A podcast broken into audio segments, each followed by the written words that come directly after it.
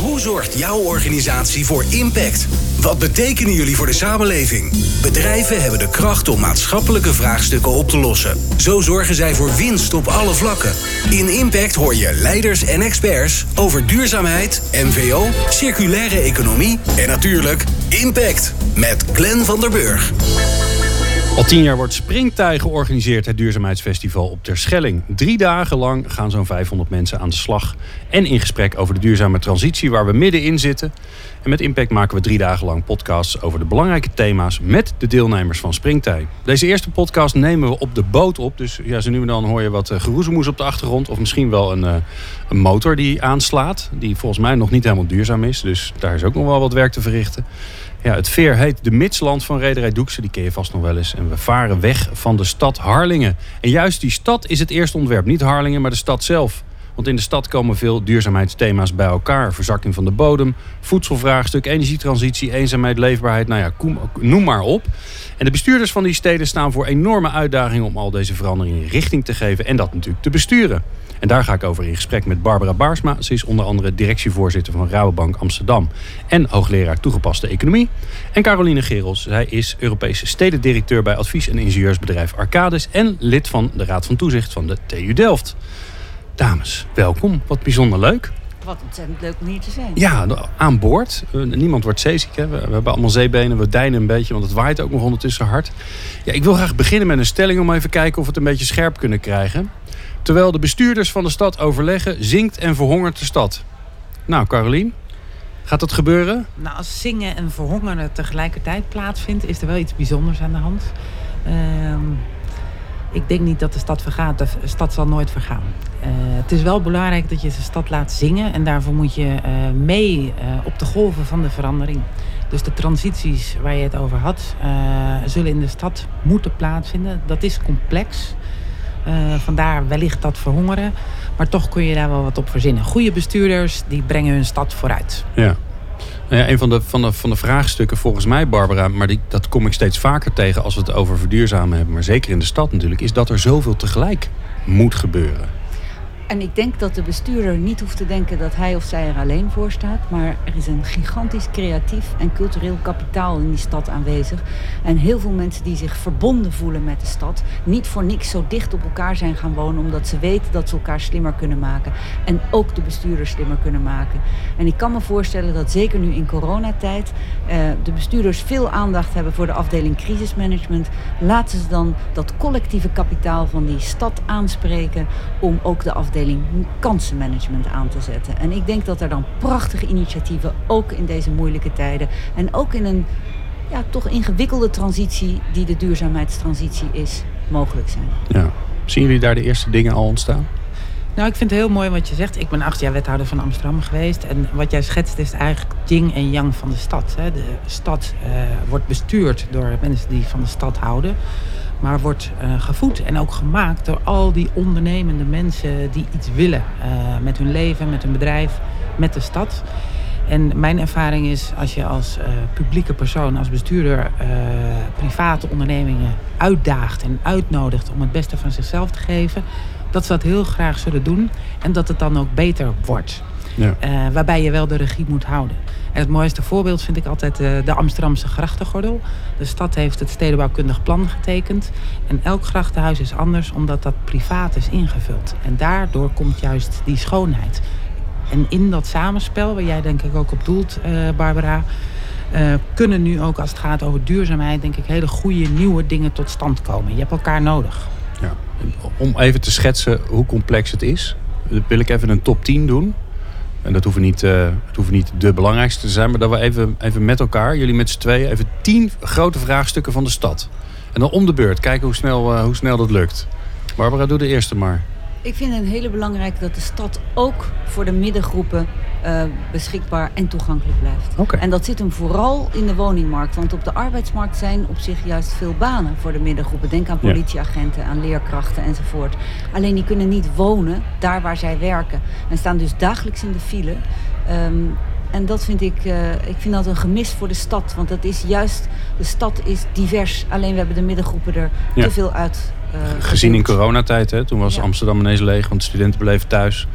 Eh, Toeristen waren toeristen er niet. waren er niet. En vervolgens heb je een half... Hè, Ba- Barcelona was ook zo'n voorbeeld. Nee, maar een soort half dode stad. een ander, een ander punt dat, dat we misschien in de top 10 zouden zetten is de tweedeling in de stad.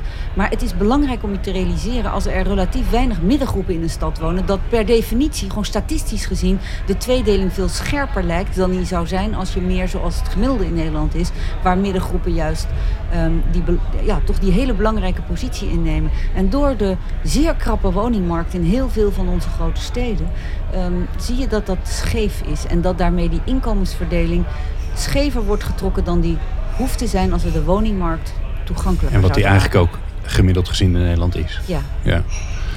Dat was één. Nou, Aardgasvrije wijken. ja, dat is gewoon heel ja. lastig. Hè? En dan heb je keuze, hè? eh, warmte, geothermie. eh, maar het is lastig om het met elkaar voor elkaar te krijgen. Want de een moet niet op de ander hoeven wachten. Maar het kan wel. Dus net als met die middenklasse woningen waar ik het helemaal mee eens ben. Het kan wel, maar je moet dat samenspel goed orchestreren. Ja. En dan is het probleem in de, in de stad, want dit probleem speelt overal. Alleen in de stad heb je heel weinig plek om ja, ruimte te maken voor nieuwe infrastructuur. Van die dingen. Grond open te trekken. Ja, en Ja. mensen houden niet van verandering als het misschien geld gaat kosten. Hè. Het, is- het is een hoop gedoe, dus je moet het goed met elkaar organiseren. En ik denk dat je ook heel duidelijk moet zijn eh, dat het gewoon moet. Hè, vroeg of laat eh, moeten we van het gas af. Nou, zeg dan dat het binnen tien jaar is. En zeg dan wie het eerst en wie daarna en wie voorlopig nog niet. Ja. Creëer zekerheid voor de mensen die het uiteindelijk eh, overkomt of die het moeten doen. Ja. We zijn, op- we zijn pas bij twee. We gaan die tien nooit halen hoor. Dat, dat gaat, het is, het is veel, te- veel te complex al wordt het voor mij allemaal. Nee, en ik wil het ook niet in volgorde van belang doen. Nee. Maar ik wil gewoon eigenlijk eh, de luisteraar ook aan denken zetten. Dus ik wilde. De stad is ongelooflijk belangrijk, maar kan niet zonder het ommeland. Juist in een energietransitie. Ehm, en dat geldt ook voor die woningmarktopgave waar we het net over hadden. Maar stel wij willen ehm, ehm, veel meer elektrificatie. Dan moeten de netten verzwaard worden. Dan zijn er veel meer zonneparken nodig. Dan zijn er meer windparken nodig. In de stad is de ruimte niet om die eh, hernieuwbare energie op te wekken. Dus wij hebben het ommeland keihard nodig om, eh, in de, om de stad te verduurzamen. En ik denk dat. En dus, dat, dus ook het begrip van het ommeland. Want eh, hier komt zo'n lelijk zonnepark omdat ze in de stad... Is dat dan een maar beetje... laten we het niet een lelijk zonnepark noemen. Maar bijvoorbeeld die grachtengordel waar Caroline het net over had. Die is veel moeilijker eh, van zonnepanelen te voorzien bijvoorbeeld. Dan misschien een nieuwbouwwijk aan Ja. de rand van de stad. En daar is samenspel nodig met dat ommeland. En ik spreek nu even voor de metropoolregio Amsterdam. Daar weet men elkaar ook beter te vinden. Al was het ook een tijdje zo. En ik zeg maar even zoals, zoals het gevoeld werd door velen. De hoofdstedelijke arrogantie. Die toch die samenwerking parten speelde. En ik denk dat ehm, de energietransitie ertoe leidt dat we nieuwe coalities. Dus zowel in de stad. Maar zeker ook daarbuiten nodig hebben, omdat de energietransitie kost ruimte. Ja. Ruimte die er in veel steden niet is. Dus um, een, derde, een derde prioriteit is samenwerking met het ommeland om de energietransitie ruimtelijk mogelijk te maken. Mooi. Ja? Caroline? Samenwerking met de industrie. Je ziet nu in deze moeilijke coronatijden dat de industrie toch het motorblok van onze economie blijkt. hè. Eh, De dienstensector heeft het moeilijk, eh, toeristen blijven weg. Ehm, en wat we ook zien is dat we dat dichter bij huis willen hebben. Zeker onze voedingsindustrie. Maar je wilt toch ook je mondkapjes en je medicijnen uit je eigen continent eh, kunnen halen eigenlijk. Dus industrie heb je nodig. En die moet verduurzamen. En die wil wel verduurzamen, daarvoor heb je infrastructuur nodig. En dat duurt lang om dat aan te leggen. Bovendien moet je dan kiezen hè, tussen elektrificatie of waterstof. Eh, wat ga je doen met je CO2? Hè? Je wil het natuurlijk liefst vermijden, maar je moet het misschien eerst even hergebruiken of Ja. opslaan Ja. in een leeg Noordzee. En wat doe je in de transitietijd? Hè? Want je bent niet je gelijk bij, eh, bij het eindpunt. Dus dit is ook eens een soort orchestratievraagstuk. Waarbij ik denk eh, dat er iets moet komen. eh, of iemand, een autoriteit in Den Haag. die het als een soort luchtverkeersleiding managt. Oké. Dat je ziet van hier zijn de industrieën. Die hebben bepaalde hoeveelheden energie nodig. Eh, CO2 moet die kant op. We kunnen niet met z'n allen tegelijkertijd. eh, op groene stroom, hè, want daarvoor hebben we nog niet genoeg windmolens. Dus hoe gaan we dat met elkaar doen? Dat is een enorme uitdaging voor de komende jaren. Ja. Ik wilde naar tien, maar ik denk naar vier. Volgens mij is het punt gemaakt. Het is heel, eh, er is nog veel meer. Het is heel complex. Mag ik nog Jij, één jij pleit, Caroline, jij pleit al een beetje voor, voor regie, hoor ik jou zeggen. Hè? En dat is, dat is waarvan ik denk, ja, Ik noem het orchestratie. Oh. Ieder zijn eigen rol, ieder haar eigen rol. Je moet niet verwachten dat Den Haag alles tot diep in de binnenlanden gaat regelen. Dat is ook helemaal niet nodig. Gemeentes, eh, dorpen eh, kunnen heel erg veel zelf. Maar je moet wel zorgen dat het op elkaar afgestemd is, dat het goed samenwerkt. En daar moet je ook voortdurend in eh, vernieuwen. Bernard Ter Haar heeft daar nu een mooi verhaal over geschreven, hoe je dat goed kunt doen. Want deze tijd vraagt weer om nieuwe vormen van samenwerking. Mag ik nog een vijfde punt noemen? Vind jij ook heel belangrijk. Onderwijs, onderwijs, onderwijs. Laten we zorgen dat we iedereen in de stad meenemen. Ook als het gaat over dit soort vraagstukken. Want we hebben ook echt iedereen nodig. En als je die wijken niet eh, gemengd houdt, als je dus niet bouwt voor de middenklasse eh, en alleen maar de markt zijn werk laat doen, dan ga je daar ook scheuren in de samenleving krijgen. En dat moeten we ten koste van heel veel voorkomen. Ja. En wat je ziet bij de jeugd is dat ze heel erg gemotiveerd zijn door vraagstukken als duurzaamheid. Denk ook, nou laten we ze uitdagen om op innovatieve manieren met nieuwe dingen te komen. Laat ze bezig met eh, dingen als eh, artificial intelligence. Waar ik zelf eh, niet zo heel veel van begrijp, maar jonge mensen juist wel. Met health and technology, met, met de resilient delta, hè, dat je veerkrachtig bent. Dus een eh, vijfde mag toch best onderwijs Maar zijn. dan mag een zesde. Ja, dat vind ik ook. Anders is het niet in balans, hè? Maar nee, nee, want het is zeer in balans. Want eh, jij hebt het over het initiële onderwijs, dus het onderwijs tot je gaat werken. Die is in Nederland, helaas, is dat onderwijs niet de kansgelijkheidsmotor die je zou verwachten dat onderwijs bij uitstek zou zijn. Het is een kansenongelijkheidsvergroter. Ehm, en in grote steden Want hoe komt dat? dat komt eh, als je ouders een hoge opleiding hebben of eh, een, eh, een hoger inkomen of je woont in een ge- gegoede wijk, dan is de kans, ook al heb je dezelfde intellectuele bagage als een eh, vergelijkbare leerling, maar die ouders hebben met lagere opleiding, met minder inkomen in een andere wijk, heb je de kans dat je een lager schooladvies krijgt, is dan veel groter. De kans dat je onderwijsrendement door de jaren heen tot en met voortgezet onderwijs eh, hebt, is veel lager. Ehm, en, dat, en dat werkt dus door in je hele leven. Die, de- juist de- het onderwijs, het, postini- of het initiële onderwijs, sorry, totdat je gaat werken, wat Carolien beschrijft, is zo belangrijk. Ik wil daaraan toevoegen het postinitiële onderwijs, want ook daar is ongelijkheid. De mensen die hoog opgeleid zijn, gaan gedurende hun leven, omdat ze het ook leuk vinden, omdat ze een leuke leerervaring hebben gehad Mhm. als toen ze nog leerling waren op de- basisschool of het, of het voortgezet onderwijs, gaan van nature meer leren.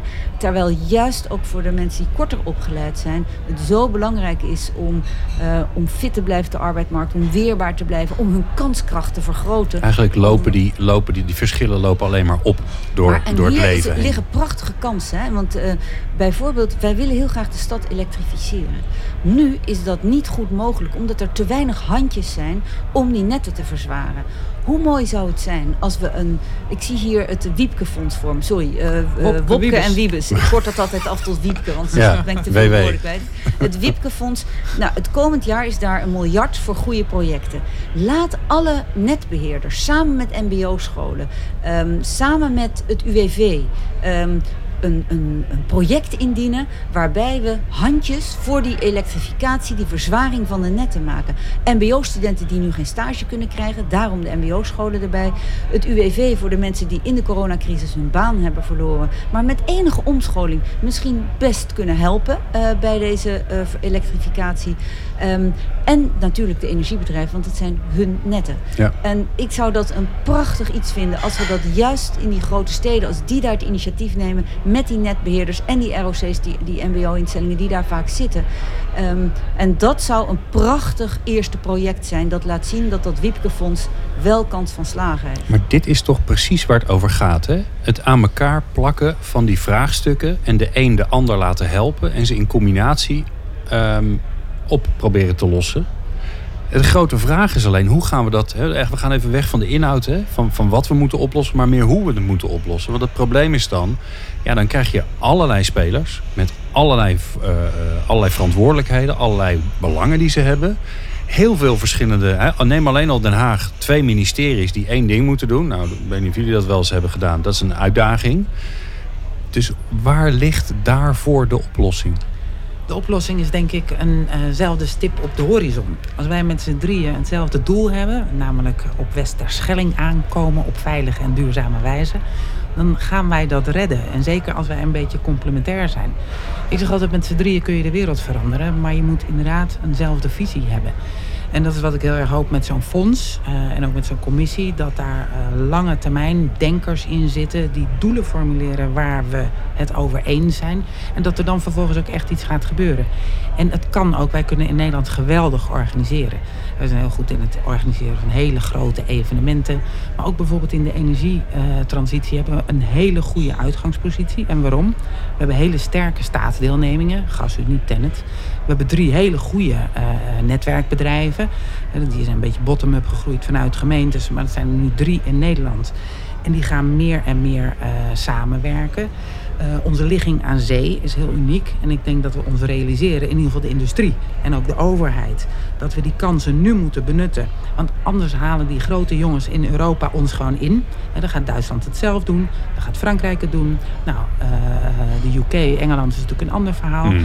En nu hebben wij die kans om een energie, duurzame energiehub in Noordwest-Europa te worden. Als we met elkaar goed samenwerken. Dus dat zou denk ik onze stip op de horizon moeten zijn. Maar ik hoor samenwerken hoor ik heel vaak. En dan denk je iedereen, oh ja, dan lost, dat lost alles op. Nee, nee, maar het is vervolgens... hartstikke lastig om nee, samen te Carolien werken. Ieder zijn rol spelen. Carolien zei iets anders. Carolien zei, er is een gedeelde stip op de horizon. En dan ontstaat... Die moeten we hebben. Ja, en, dan, en dat is ook denk ik wat jij net bedoelt met orchestreren. Dat het kabinet, ze heeft die stip op de horizon op zich gezet. Maar het mag nog strakker ingekaderd worden in een tijdpad. Waarbij consistentie is. Waarbij ze eigenlijk zeggen, ook de kabinetten na ons zullen zich zo blijven gedragen. U kunt hierop rekenen. Um, en met dat Wiepkefonds is het ook zo dat dit, dat gaat een aantal jaar lopen. En uh, ik hoop dat dat geen ad hoc projectjes worden die niks met elkaar te maken hebben. Maar dat het een prachtige reeks aan projecten worden die de energietransitie aanzetten. En het mooie aan dat fonds is ook dat ja, er zitten grote politieke componenten aan. Maar de, de ideeën mogen uit de samenleving komen. Dan moeten een aantal beleidsambtenaren het idee omarmen. Wordt doorgerekend door het CPB, wat denk ik prima is. Want dan objectiveer je het mee. En dan gaat het naar een commissie nog eens een keer die er wat over zegt. En de Eerste en de Tweede Kamer die. Dus oké, okay, het is een lange weg. Maar als ik dat hoor, dan denk ik 2050 is over 20 jaar. dit duurt, uh, duurt nee, alleen al een jaar voordat we ja hebben. Het voordeel van bij Springtij is dat wij die stip van Carolien... Veel mensen die hier zitten zien die stip. Ik zat net te lunchen hier, uh, heel even. En toen mocht ik naar deze mooie podcast. Maar dat maakt niet uit. Ik zat daar met een grote een CEO van een netbeheerder. Ik zat daar met iemand van EZK.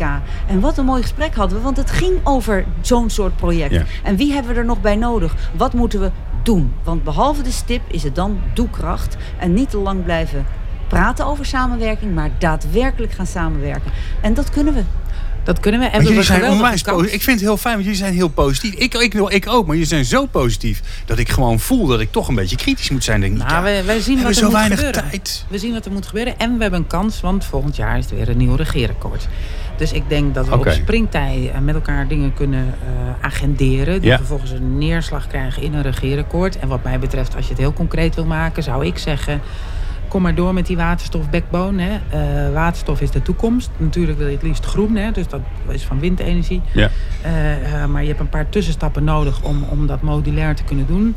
Daarmee hou je Nederland heel aantrekkelijk voor de schone industrie. Hè. Die hebben we nodig om onze voeding te produceren, mondkapjes, medicijnen, de hele handel. Um, dus ik hoop dat het regeerakkoord zo concreet wordt. En dat we dat kunnen voeden vanuit onder andere springtij. Dat je inderdaad die schop ook in de grond uh, krijgt volgend jaar. Ja. Mag ik je het gewoon even persoonlijk? Als je ja. optimistisch bent, ja. neem je betere besluiten. Ben je gelukkiger. Uh, mensen die pessimistisch zijn, nemen slechtere besluiten. Dus het loont om juist in die hele moeilijke transities een optimistische blik te nemen. Natuurlijk moet je ook realistisch zijn.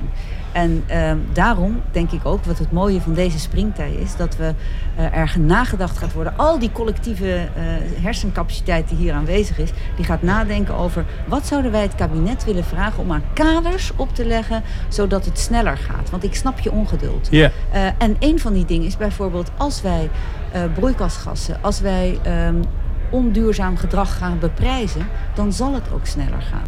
Barbara, is dat dan wat je mee wil geven aan nou ja, eh, de partijen die hun, als het een beetje kan, hun, hun uh, programma's nog een beetje willen, willen bij, bij nou, ik hoop dat het nieuwe kabinetsbeleid in het nieuwe regeerakkoord echt beprijzen een steviger positie krijgt dan het nu heeft. Want ik denk dat je daar in één keer de marktpartijen die laat werken op een natuurlijke wijze naar die stip op de horizon. En hoef je niet zoveel andere regulering in te zetten. En dat scheelt een hele hoop. En het is ook En wat gaan we dan beprijzen? Kies er eens één. Ehm, nou, ik ben eh, broeikasgassen, dus CO2 en CO2-equivalenten, dus methaan enzovoort. Eh, dat zou al enorm helpen. Ja. Dat zou echt enorm helpen. Ja, en die helpen ook voor heel veel dingen. hè? Die helpen dan ook gelijk voor, voor, voor vlees. Die helpen ook voor vliegen. Die helpen voor, heel eh, veel dingen, want je doet het economiebreed, dus door alle sectoren heen. Laten we beginnen met een prijs van Ja. 50 euro. Verrekenen met wat sommige bedrijven al in het ETS, dus in het Europese handelsemissiesysteem betalen, zodat ze niet dubbelop hoeven te betalen. Laten we het op een eh, consistente manier doen, dus werken naar een hogere prijs, eh, maar dan volgens een ingroeipad dat voor iedereen bekend is, dat ze er rekening mee kunnen houden met hun investeringsplannen. En laten we dus laat ook al zien dat het hoger wordt in de Ja, toekomst. nee, het gaat zeker, Ja. want 50 is niet genoeg, maar 50 kun je nu doen. Heeft DNB in een onderzoek, de Nederlandse bank, in een onderzoek bepaald dat dat niet grote internationale of niet grote problemen geeft voor Ja, onze internationale want dat is de angst, concurrentiepositie. Bovendien kun je nog gericht met de opbrengst van die, van die heffing, kun je ehm, die gedragingen die je juist wilt belonen, zoals eh, R&D in eh, klimaatneutrale technologie ontwikkelen, waar de kost toch echt voor de baat gaat, kun je ondersteunen met subsidies die je met die heffing ophaalt. Ja. En we kunnen, om de transitie voor ook de huishoudens die wat minder te besteden hebben betaalbaar te houden, de onderkant van het belastingstelsel eh, lagere Ja, belastingdruk te gelijk maar even de arbeid minder belasten. Ja. Want het is natuurlijk raar dat zoiets belangrijks als werk, dat daar belasting op zit. Dat is eigenlijk heel gek. Nou, Want dat leidt geen schade. De- maar dat is meer mijn gesprek, mening. Ander gesprek. Ja, anders gesprek. Doe ander maar gesprek. anders. Carolien, wat ga jij meegeven aan, ehm, eh, aan de politiek? Nee, ik ben het er heel, heel erg mee eens. Beprijzen, maar dan ook terugploegen in die activiteiten die je waardevol vindt en die eh, staan voor een duurzame toekomst. Ehm, ja, ik denk dat we inderdaad helderder kaders moeten formuleren over wat we willen bereiken de komende jaren. En dan Maar in doe er eens één, want als jij altijd zegt heldere kaders, dan kan ik, Ik me zeg niks meer voorstellen. ambitie, duurzame energiehub van Noordwest-Europa. Oké. En realiseer alles de komende vijf jaar wat daarvoor nodig is. Dan kan iedereen aan de bak, hè, ons bedrijfsleven, netwerkbedrijven, overheden enzovoort. En spreek elkaar daar dan ook op aan. Ja. Hè, ontwikkel een roadmap of een marsroute. Zoals we En, no- ooit eh, Nederlands kennis, kennisland wilden wo- worden. En dat volgens mij aardig gelukt is. Wat aardig gelukt is. Ja. Eh, Nederland distributieland, ook aardig Ja. gelukt. Eh, willen we ook gewoon... Ja, we hadden twee mainports. We hebben er nu drie, hè? Brainport erbij. En ik, als wij met elkaar die doelen stellen, dan kunnen we het ook. En als we dat niet doen, dan worden we links en rechts ingehaald. En dan gaan onze grootste talenten elders hun eh, uitdagende, innovatieve ideeën implementeren. Ja, en dat willen we niet. Nou ja, dat willen we ook wel. Maar dan we om ze te helpen en niet omdat we ze wegjagen. Maar we willen ze ook graag hier hebben. Ja, ehm, voor mijn laatste vraag. Neem ik jullie mee naar Springtijd 2021. We zijn een jaar verder. Dus jullie hebben weer een jaar lang energie gestopt in eh, de duurzame transitie. En je kijkt volgend jaar terug op het komende jaar. Dat is een beetje een rare zin, maar ik vond hem wel mooi. Wat is het spraakmakende wat je voor elkaar hebt gekregen, Barbara? Ehm, spraakmakend wat ik voor elkaar heb gekregen. Ik hoop, want ik werk ook bij Rabobank, dat de Rabobank partner is van de transitie richting kringlooplandbouw. Wij zijn een van de grootste eh, financiers van de landbouwsector en ik voel mij daarom ongelooflijk belangrijk, of, eh, verantwoordelijk. Ehm, en de Rabobank is belangrijk eh, voor het mede vormgeven van die transitie naar kringlooplandbouw. En als wij die handschoen echt oppakken, dat we onze balans echt die kans op laten werken, dat we producten ontwikkelen, dat we financieringsvoorwaarden maken voor die boeren en die agrariërs die echt die stap maken, dan zou ik daar ongelooflijk trots op zijn. En daar ga jij het komende jaar, naast Daar heel veel andere dingen, al- in ieder geval voor staan. Ja, en daar werk ik nu al heel hard aan. En nu zaai ik plantjes of zaadjes. Een klein, die gaan dan. Ik hoop dat we dan, als we terugkijken, dat er een paar al kunnen geoogst worden. Mooi. Nou, Carolien, dezelfde vraag voor jou. We zijn een jaar verder. We kijken terug op het komende jaar. Ik hoop dat we dan dat plan hebben voor die eh, duurzame hub. Eh, Oké, dus- Inclusief infrastructuur. Daar heb ik het daar afgelopen ga jij aan werken? hard aan gewerkt voor de industrie. Ja. Ik heb de taskforce infrastructuur voor de industrie gedaan, zodat we de doelstellingen uit het klimaatakkoord halen. Ik merk dat iedereen heel graag wil. Ik merk dat het technisch ook heel goed kan. Dus het is nu nog een kwestie van al die stukken aan elkaar verbinden. En dan de bal erin koppen, eh, zoals gezegd. En wat is er gelukt? Dan is er die visie. Volgend jaar zitten we... eh, Dan nou hebben ja, we een kaart van Nederland, verbonden met onze buurlanden, verbonden met de Noordzee. Dan uh, gaan we uh, die nieuwe waterstofleidingen leggen, elektrificatie, nieuwe windmolens op zee, uh, geothermie enzovoort. En dan zorgen we ervoor dat wij voorop lopen als het gaat over dit soort vraagstukken in de wereld. Hartstikke mooi. Ben je een beetje optimistischer geworden? Ja, ik ben altijd al heel optimistisch. Maar ja, het is ook mijn taak om een beetje aan de andere kant te gaan hangen natuurlijk. Hè? Okay. Nee, ik ben heel optimistisch en ik, ik vind jullie uh, energie aanstekelijk. En uh, ja, mooi dat jullie ervoor gaan staan. Want dat is wat we met z'n allen moeten gaan doen. Ervoor gaan staan en in actie komen. Zo is het. Dank jullie zeer. Bar Barbara Baarsma uh, van onder andere de Rabobank. En Carolien Gerels van onder andere Arcadis. Dankjewel. Meer afleveringen van Impact vind je op impact.radio.